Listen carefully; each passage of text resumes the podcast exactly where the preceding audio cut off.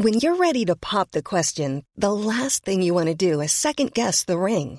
At Bluenile.com, you can design a one of a kind ring with the ease and convenience of shopping online. Choose your diamond and setting. When you find the one, you'll get it delivered right to your door. Go to Bluenile.com and use promo code LISTEN to get $50 off your purchase of $500 or more. That's code LISTEN at Bluenile.com for $50 off your purchase. Bluenile.com code LISTEN. Ryan Reynolds here from Mint Mobile. With the price of just about everything going up during inflation, we thought we'd bring our prices down. So to help us, we brought in a reverse auctioneer, which is apparently a thing.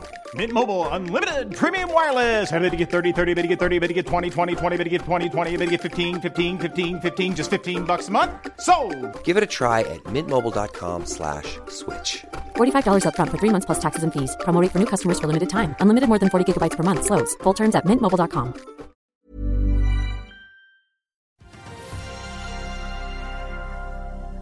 Ny trippelheving fra Fed, men hvor går veien videre? Og hvis du trodde billettene til Flyr var billige, har du sett emisjonskursen? Og vi sier aloha til Philly Shipyard, som får en gigantkontrakt som dobler ordrereserven. Det er torsdag 3. november. Velkommen til Børsmorgen.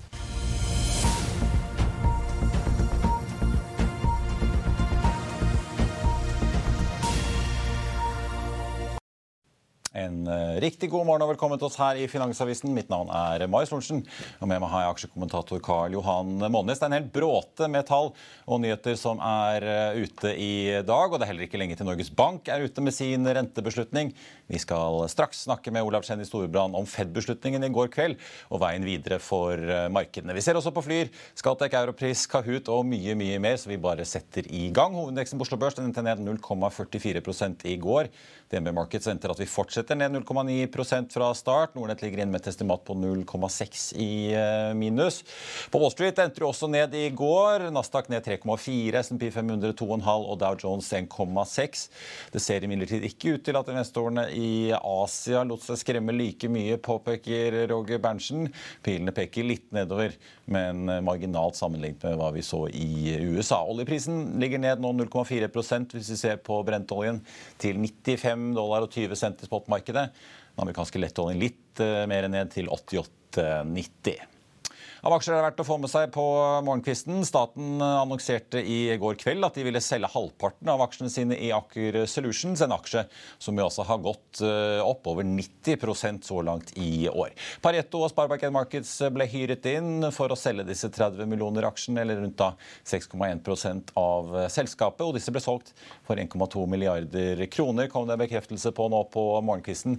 Kursen endte på 39,30 per stykk, ned da fra nesten 44 kroner som sluttkursen var i går. Vi snakker da om en rabatt på en 10 mot uh, volumvektet snitt i uh, går. Og uh, som næringsministeren sier, når det gjelder Aksjelutions, har staten en relativt liten aksjepost med begrenset innflytelse. Selskapet har hatt en god utvikling den senere tiden, og derfor har vi gjort denne handelen nå. Det sier altså Jan Christian Vestre i en uttalelse.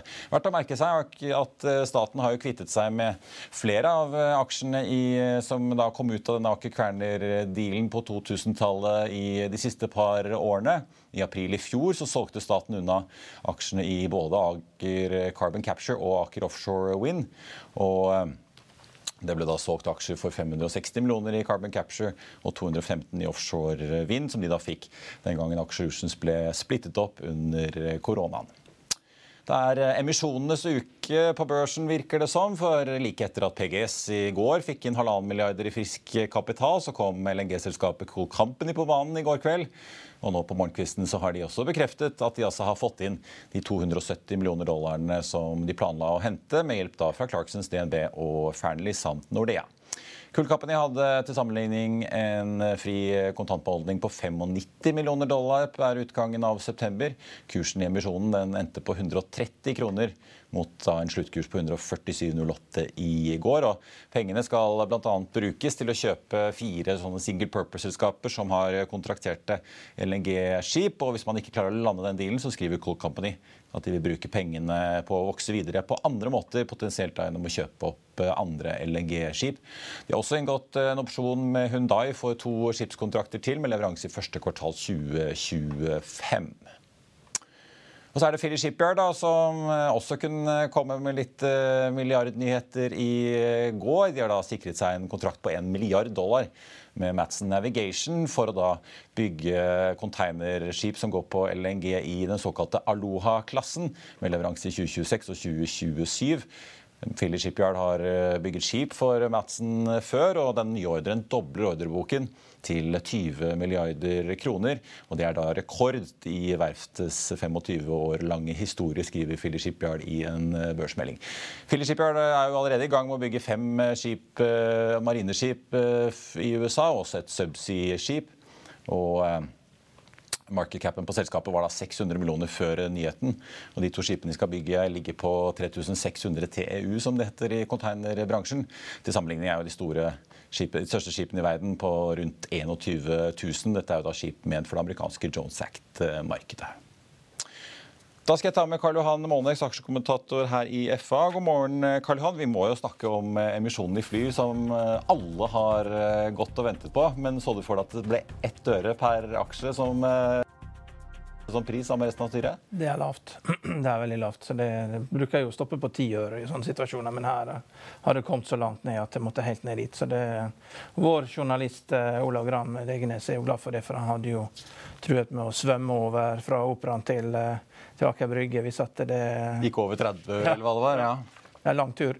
ja, for har, men de, jo, altså, de, har jo allerede hentet 1,1 milliarder kroner i sin relativt korte levetid. Eh, først da 600 mill. ved børsnotering, og så to ganger 250 millioner nå i januar og, og i våres. Da hentet jo liksom på 95 øre, 1 krone og 20. Nei. Men det, Nå er det jo helt fly, ned på bare minimum, virker det som. Ja. Fly, det er en bransje der uh, de, de, satset vel fordi at de regnet med først at Norwegian skulle bli borte, og så eh, ble ikke de borte. Og så um, har de vel håpet at SAS skulle bli borte. De blir heller ikke borte. og Det er bare rom for to flyselskap uh, i markedet, egentlig. Uh, på full servicenivå. Så uh, og Da skal det spennende å se hva som skjer her. da. Det er jo det er jo naturlig at eh, det vil ende opp eh, Enten så smuldrer det vekk, eller så ender det opp eh, sammen med Norwegian eller sammen med SAS. Ja. Jeg så Erik Bråten, gründeren og styrelederen. Han skal stille opp med ti millioner av dette ja. her. Men han har jo vært en langt større aksjonær enn det, egentlig. Ja. ja. Nei, det, det, skal spennende å se hva som skjer. og det, det, vi, Når vi ser aksjonærlisten, så ser vi jo også hva som kommer til å skje. Ja. Det er jo, Når vi ser de største aksjonærene, så så vet vi hva som skjer. Og Det er klart, det er jo, de bestemmer, det er jo styret som bestemmer hvem som skal få disse aksjene til slutt. Så, så um, når vi ser hvem som blir de største aksjonærene, så vet vi hva som skjer videre. De er jo, eh, de, ja, hvis, Nå skal de jo hente 430 millioner, sier de. Potensielt 100 til i en reparasjonsemisjon. Da kan de jo fort få en krigskasse på 700 millioner for å få dem gjennom vinteren. Men jeg så jo at Altså jeg hadde jo 300 millioner i, kontanter ved utgangen av andre kvartal. Det sank altså ned til rett under 154 nå ved utgangen av september. Underskudd på 450 millioner omtrent da i eh, tredje kvartal. Eh, I det som burde vært en god høysesong med SAS i streik. Men, men igjen, det, det, jeg tror ikke det er noen som Det mest fornuftige er jo at det kommer inn en som har litt større tanker om dette her. Eh, sette det sammen med noe annet, enten det er charter eller av de eksisterende flyselskapene, for bare å fortsette i det sporet som er, så lenge både SAS og Norwegian er der, det blir veldig vanskelig. Og Det har vi jo sett mange ganger før, at eh, når det er for stort tilbud, så eh, blir det problemer med å tjene penger. Ja. Vi ser uh, aksjen uh, begynner å tikke inn i, med litt omsetning nå på 340 000 kroner. Da, men det er ned 47% fra start til 14 øre aksjen. Så det er jo enda litt mer å gå ned til ett øre her. Men Stordalen er jo i charterbusinessen. Han liker jo å komme inn i sånne dealer som det her. Det jo, han, ja, han gikk jo inn i ring, og plutselig han eh, ja, for en stund tilbake. Da, da, får jo dette en slutt, at du kan bruke det som charter. Ja. Så det og, ja, Han kan jo regne på dette, her, han har jo folk i sitt selskap som kan regne på dette. her, Så det ville jo vært én løsning på det. Nå skriver jo selskapet at de forbereder seg på å kunne gi full gass til eh, neste sommer. Så får vi besøk av flysjefen her i ettermiddag. Eh, så Det blir jo spennende å høre hva hun har å si om eh, hva de planlegger nå. De setter jo halve flåten på bakken nå i vinter og, og kutter kraftig ned på innenrikssatsingen. Satser mot Alpene og Syd-Europa i vinter. Ja. Nei, det, det, er spennende å se. Skal vi gå videre til Skatec, som også har kommet med tall i dag. Eh, fornybarselskapet har det jo vært mye diskusjoner om. De har jo tatt ned vekstplanene sine ganske mye. Hadde kapitalmarkedsdag tidligere i høst. Hvordan ser tallene ut fra fornybarselskapet, hvor Equinor er største eier? Det er mye tall, da. Men det viktigste er at de løfter EBITA-guidance med 8% fra snitt på 2,6 til 2,8 milliard. Og så har de jo en litt sånn komplisert eh, bokføringsmessig da, på det Development and Construction-selskapet. En sånn S-kurve der du liksom anerkjenner veldig lite av inntekten til å begynne med, og så akselererer det, og så er det ingenting på slutten. og så er Det veldig vanskelig å predikere. så Plutselig så går du fra 40 millioner i inntekter til 400 millioner i inntekter i et kvartal. da.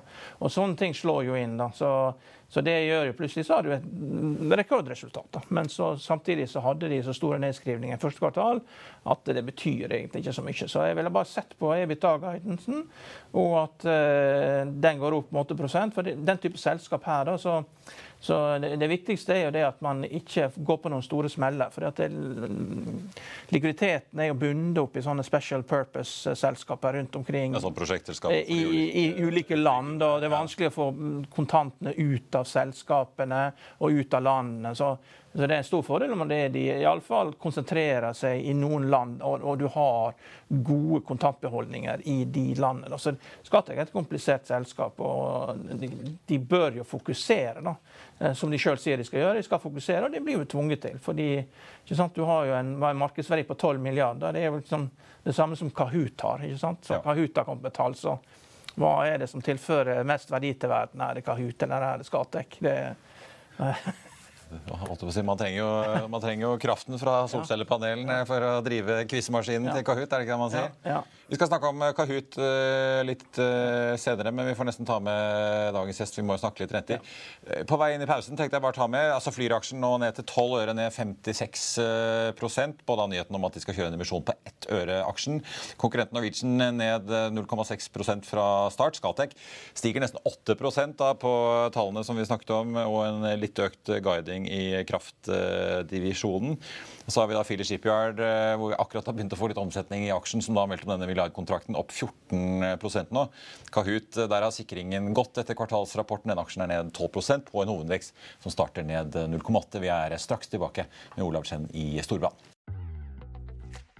La oss i Finansavisen hjelpe deg med å holde deg oppdatert på alt som skjer i finans og næringsliv. Hver morgen er jeg, Marius Lorentzen, og aksjekommentator Karl Johan Målnes på plass i studio for å ta tempen på dagens marked i Børsmorgen. På ettermiddagen oppsummerer vi alt du trenger å vite i økonominyhetene, og så får vi selvfølgelig besøk av masse interessante gjester. Du finner oss på fa.no-tv, eller ved å søke opp Børsmorgen og Økonominyhetene der du hører på podkast.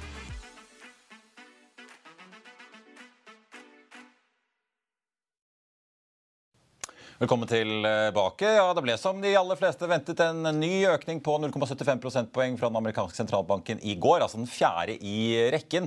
Det betyr at rentenivået i USA nå ligger på 3,75 til 4 blank. Men Olav Chen, leder for renter og global allokering i Storebrand. Er dette begynnelsen på si, slutten av disse massive renteøkningene, eller er det fortsatt bånn gass hos Federal Reserve? Det er ikke begynnelsen på slutten på de kraftige renteøkningene, men det er eh, begynnelsen på slutten på nedtrapping av de kraftige eh, renteøkningene. Så sjekket akkurat nå eh, prisingen i markedene. Og det prises eh, faktisk ytterligere to doble rentehevinger eh, på de neste to rentemøtene. Så Sånn sett så er det jo starten på slutten. Eh, at man har tilbakelagt hva skal vi si, fire trippelhevinger. og det var jo det markedet hang seg opp i går også. At man skulle se eh, si, den kumulative effekten som var annerledes i teksten. Som markedet tolket at man må se de fire triple rentehevingene sammen. At man har kommet på et mye høyere nivå. Men det som gjorde at markedet snudde i går, da, jeg følte meg på pressekonferansen, det budskapet var for så vidt positivt. og Aksjemarkedene var jo ganske tydelig opp, men det snudde under pressekonferansen.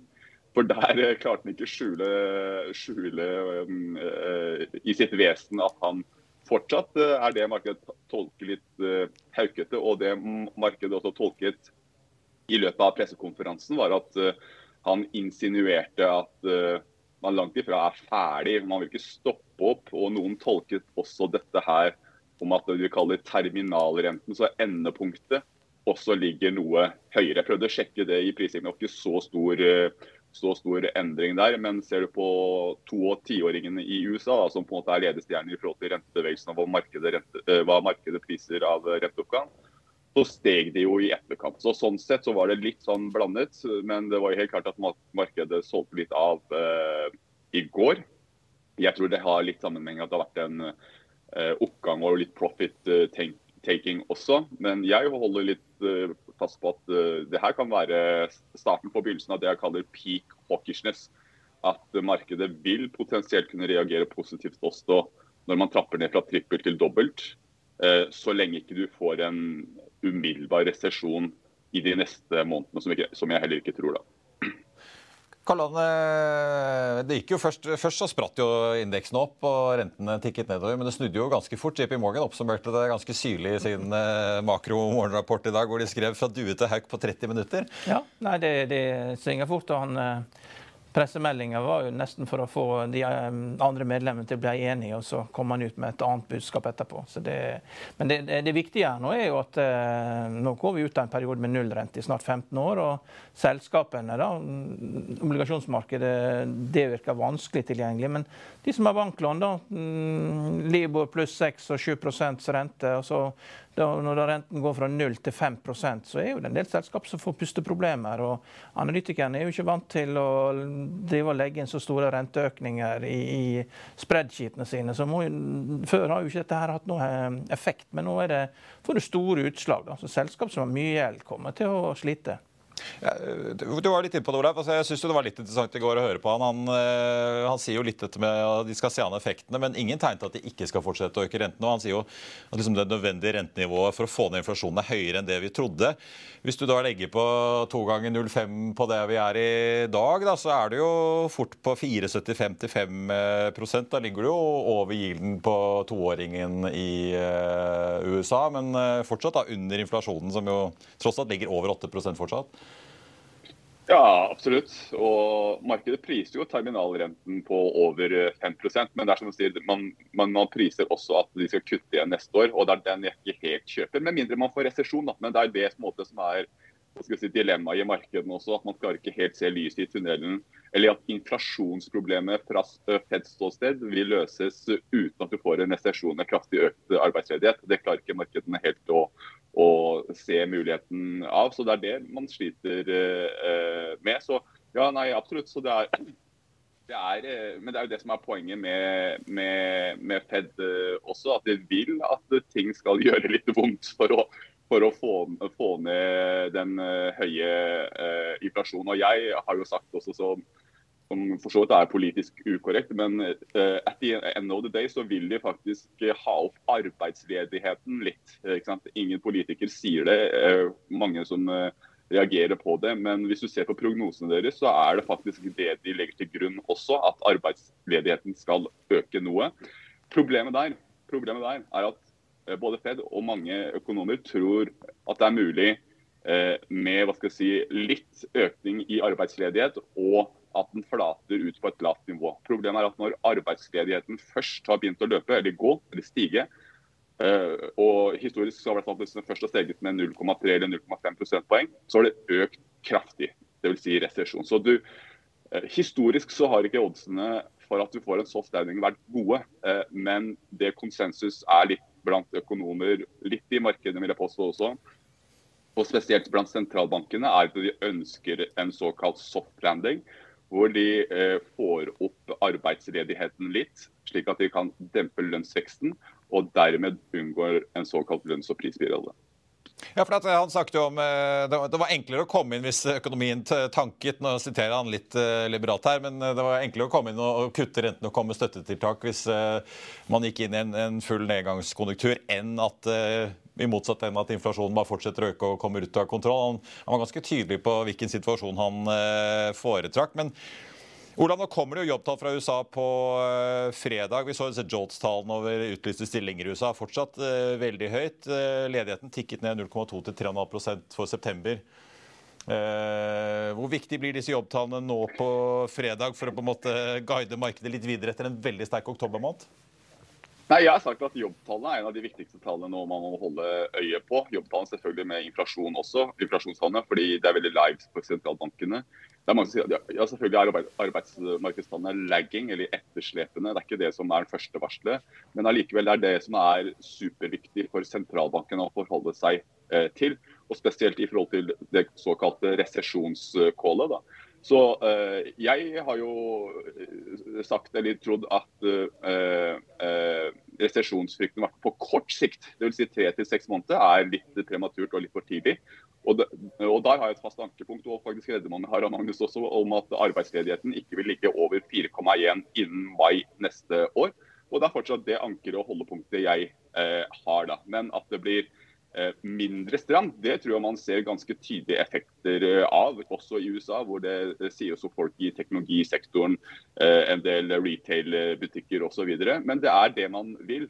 Men hvis du ser på servicesektoren, da, enkelte servicesektorer som i hotell-servicebransjen, så er jo det fortsatt et skrik etter arbeidskraft. Og det er på en måte migreringen fra de enkelte sektorene som sliter i den sektoren der, som på en måte blir avgjørende, eh, tror jeg. Og det siste er at jeg tror man trenger en katalysator. En, et, event som tipper økonomien over. Eh, over. Eh, det er vi veldig bare på, og det er det som kommer til å skifte vårt markedssyn også, tror jeg. Men en konjunktursirkel dør ikke av alder, som også en sentralbanksjef har sagt, tror jeg, eller en, en ledende økonom. Men det, det, det, som er spesielt, er jo at pandemien løfter både huspriser og bruktbilpriser så høyt. og Dette er jo tradisjonelt de to områdene som, man, som er mest sykliske, som man angriper. Det er hus, det er hus og, og, bil. Og det er liksom, Økonomien bunner ikke før det har bunnet. da. Så kommer det fra en kunstig høy topp, og da gjør det litt vanskelig å måle dette her. Men i tillegg da, så har du en rekke eh, utrolig mye penger som har gått inn i, i krypto og eh, ja, software og sånn. Og jeg ser Elon Musk skal si opp halvparten av de ansatte i Twitter. og ja, det, det, kan jo hende det begynner, begynner å merke det. Ja. Ja. ja. men Du ser i hvert fall deler av det amerikanske boligmarkedet. Det er jo avhengig av litt av hvilke regioner man ser på. Men uh, du ser jo i hvert fall at, eh, at det høye rentenivået sørger i hvert fall for at det er, det er ikke så mange som uh, ja, Penning Homesteads var vel ned 30% år over år her nå, med en uh, snittrente på over 7% på boliglånsrenten i USA. Ja, og Jeg er helt enig med, eh, med her at det, er, det kommer fra et kunstig høyt nivå. slik at Mange av de psykiske indikatorene kommer fra et veldig høyt nivå. da. Eh, og Det er mer en normalisering og pandeminormalisering og effekt som jeg, i, som jeg mener vi ser i mange sektorer. Eh, og Hvis man klarer å se gjennom det jeg skjønner at Selv i våre egne interne indikatorer kollapser makrotallene og revisjonene gjøres pusses ned. Men vi har faktisk gjort et forsøk på liksom, å trekke ut uh, Mange makrotall er jo årsveksttall. Hvis du lager indekser og uh, lager såkalte månedsendringstall, så er det ikke ting så ille fra et historisk perspektiv. Men hvis du måler selvfølgelig fra samme tidspunkt i fjor, når det var pandemi-gjenåpning, så ser det helt miserabelt ut. Så jeg tror du har litt av de effektene som på en måte er vanskelig å Eh, se gjennom. Eh, jeg tror selvfølgelig rentene biter. Jeg tror også inflasjonen biter. Energipriser. Men jeg får stadig eh, si, kommentarer på at man kan ikke heve renten som følge av at energiprisene stiger. Energiprisene vil ikke falle allikevel. Men det er totalt sidespor, ikke totalt sidespor, men det er et stort sidespor i forhold til hva, hvorfor sentralbanken, sentralbankene hever fordi arbeidsledigheten er rekordlav. Arbeidsledigheten i USA nærmer seg laveste nivå siden 50-tallet. Laveste nivå siden 80-tallet i eurosonen og nærmeste, laveste nivå siden 80-90-tallet i Norge også. Det er derfor sentralbankene hever renten såpass aggressivt. Selvfølgelig så følge at inflasjonen er høy også, men hadde ikke arbeidsledigheten vært så lav, så hadde de gått mye mye forsiktigere frem og sett på hva skal vi si, kjøpekraftsreduserende effekten fra høye energipriser og inflasjon. Kort til slutt, Olav. Hva er stalltipset ditt på Norges Bank eh, nå klokken ti i dag? Kjempespennende. Jeg holder en finger på faktisk dobbeltheving eh, der. Jeg. Eh, men jeg ser også argumentene for andre. Men grunnen til at jeg sier det er at inflasjonen er høy, men ikke minst at kronen er svak. Jeg tror folk prater altfor lite om det. Norges Bank må også jevne ut si, rentedifferansen. Terminalrenten i USA kommer til å ende opp på over 5% Norge er en god del lavere. Og Så lenge du har en eh, positiv eh, rentedifferanse, så vil kronen holde seg svak. Og da vil du få en ny oppgang i importert inflasjon på 6-9 måneder. Så hvis ikke faktisk Norges Bank prøver å forsvare kronen litt, så vil Norges Bank eller Norge heller ikke komme ut av inflasjonsproblemet. Vi får se om uh, Ida Wollenbach gir oss en uh, litt billigere juleferie for de som skal utenlands i år. I hvert fall. Olav Chen i Storbrand, tusen takk for at du var med oss. Før vi går til reklame, så tenkte jeg bare vi må ta med et par kvartalstall også som har kommet i dag. DNO er inne med et resultat etter skatt på 130 millioner dollar i tredje kvartal, altså opp fra 31 på samme tid i fjor. Ikke helt overraskende en ganske solid resultatforbedring i en bransje som gjør det veldig bra. Prosafe melder om et EBITDA på 24,2 millioner dollar, nesten da, grovt regnet en dobling fra samme tid i eh, fjor. Og så eh, tenker jeg da vi også må bare ta med nå Flyr-aksjen eh, fortsatt over ti øre, selv om emisjonskursen altså ligger på ett øre. Aksjen er ned 54% Skattek opp 11 Philly Shipyard 14,3 Kahoot ned nå 13% DNO ligger og vaker rundt null. Prosafe ned 2,5% på en børs som ligger ned 0,7% Europrisaksjen starter ned 6% på Oslo Børs etter at uh, si, Altmuligbutikken slapp kvartalsrapport sin. Vi, får, vi, skal få med oss europrissjef Espen Eldal i Økonominyhetene litt senere i dag. Men Karl-Han, vi må snakke litt om tallene, for veldig mange følger med på varehandelen nå med tanke på at inflasjonen er høy og rentene tikker oppover. og folk, eller Mange føler i hvert fall at de må stramme inn og at disponibel inntekt tikker nedover. Jeg ser de skriver i outlooken sin i hvert fall, at de lav, har mye lavprisprodukter og har forberedt seg på en innspurt mot jul. Ja, Hvordan leser du rapporten som har kommet? Inntektene er opp med 2,8 og uh, ja, Pretax profit slår konsensus. Det var 240 mot forventa 215. Og, men net profit, da, resultatet, er ned med 8 da. Det kan være noen skattemessige ting. Da. Markedsverdi 10 milliarder kroner. og aksjer som handles på P10. Da. Så dette her er jo en aksje som ja, det har jo historisk ofte gitt ganske god utbytteavkastning ja. den aksjen. For de har vært rause med utbyttene, selv om aksjekursen ikke har vært veldig mye å snakke om. Ja, Men det, det er klart det er konkurranse i sektoren. og Hele tida når valutakursen svinger, så eh, svensk andel opp og ned. Og, og, det er konkurranse også med, med de andre kjedene. da, og kommer inn sånne kjeder som Normal og sånn, som begynner å selge mye sånn billig sjampo. og det setter jo press på eh, varekjedene, som da gjør det samme og øker sitt sortiment og konkurrerer mer med europris. Det er jo en dynamisk konkurranse. så det, De må jo hele tida bare være på tå hev og passe på å beskytte sin markedsposisjon. men aksjer som har eh, ja, defensive aksjer som har PET, er ikke de farligste. Ja. Vi skal høre litt Meldal om uh, Han skriver i hvert fall at han er klar med varelageret før uh, jul. Vi skal høre litt uh, hvordan det går, ikke minst hvor mye strømregningen i butikklokalene svir. Før vi runder av, må vi ta, svippe innom Kahoot, som er ute og kutter guidingen sin. Det er vel kanskje en stor bidragsyter til at den aksjen er ned 14% nå? Ja, Nei, det er jo altså Når renten er null, da så har jo ikke liksom, pengene noen alternativ verdi. Da. Men får du 5% på pengene dine. og Aksjeverdien i Kahoot var 12 milliarder, og kanskje snart 10 milliarder. Du kan jo selge de aksjene og sette de i banken og få 500 millioner i renteinntekter. og Du er ikke i nærheten av å skape de resultatene risikofritt med disse selskapene. Eh, det er jo veldig lave inntekter i forhold til eh, det er sånn price sales 10, hvis man er snill, eh, kanskje. eller? Ja. Det er, det er Ja, for de kutter inntektsregningen sin fra 190 til mellom 175 og 180 millioner dollar? Ja. ja. Så det er, De er jo ikke de eneste som har kuttet guidingen sin i det siste. Nei, det, men man må jo tjene penger også. Det er jo ikke bare om, omsetning. Du må jo ha resultater også. Det, altså det er den type aksjer altså det, Når Federal Reserve er så aggressiv, og du, du, skal ha renten over 5% så alle må spørre seg liksom, om et halvt år når renten er 5% hvordan ser mitt selskap ut da? Hvordan ser min portefølje ut? Og selskaper med mye gjeld, som har, ikke har eh, resultater, Eh, det blir bare verre neste år. Så man må være forsiktig i dette klimaet. Og vi er i et bear market. Eh, kursene skal ned. Dette her skal rundhjules. Og eh, da er det best å, gjemme seg i risikofrie papirer altså, i en periode. Ingen tvil om at Kahoot i hvert fall rundhjules ned 13 nå. Det samme gjør Flyr, som er ned over 50% da, til ja, 12,7 øre, med en emisjonskurs av varslet på ett øre. Så fortsatt mye nedside der i, i den kalkylen. Kahoot altså ned nesten 14. Det er noe Prosev så vidt i minus i dag. Europris ned over 5% på sine tall. De to store unntakene får vi si, Scatec og Philly Shipyard. Scatec opp på tallrapporten sin, 11,2 Philly Shipyard opp på denne kjempekontrakten med Madsen. 12,2% i pluss i dag. Så ser vi for øvrig at uh, eh, Aksjelutions også ned 11% da litt mer enn uh, den rabatten som staten solgte halvparten av sine aksjer til.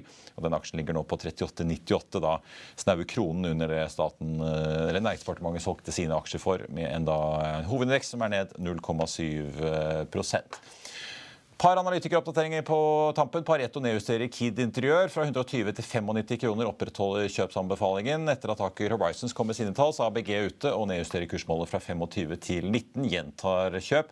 Goldman Sachs har regnet litt på Orkla. Kutter fra 77 til 70. Gjentar salg. Og så har eh, Sparebank Markets regnet på Kongsberg Gruppen da, etter eh, store kontrakter i det siste og gode kvartalstall. Oppgraderer fra salg til hold og løfter kursmålet fra 300 til 390. Det var børsmålen for denne torsdag 3. november. Husk å få med deg Økonominyhetene 14.30. Da får vi med oss flyrsjef Tonje Wikstrøm Frislid og europrissjef Espen Eldal, så det vil du ikke gå glipp av. Og så er det sånn da, at Hvis du tuner inn i morgen ettermiddag, så kan du også i hvert fall i podkast-siden vår høre praten mellom Øystein Straums Trygve Hegnar og Harald Moreus Hansen fra investordagen på Grang litt tidligere i oktober. Så husk å søke opp den i Økonominyhetene i appen du bruker til å høre på podkast. Siste Børsnytt får du på FA1 gjennom hele dagen. Ha en riktig god dag videre. Takk for nå.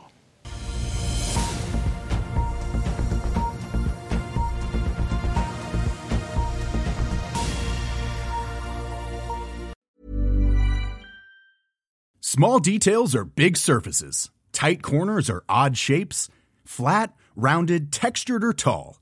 Whatever your next project, there's a spray paint pattern that's just right. Because Rust new Custom Spray 5 and 1 gives you control with five different spray patterns. So you can tackle nooks, crannies, edges, and curves without worrying about drips, runs, uneven coverage, or anything else. Custom Spray 5 and 1 Only from Rustolium. Økonominyhetene er en podkast fra Finansavisen. Programledere er Marius Lorentzen, Stein Ove Haugen og Benedikte Storm Bamvik. Produsenter er Lars Brenden Skram og Bashar Johar. Og ansvarlig redaktør er Trygve Hegnar.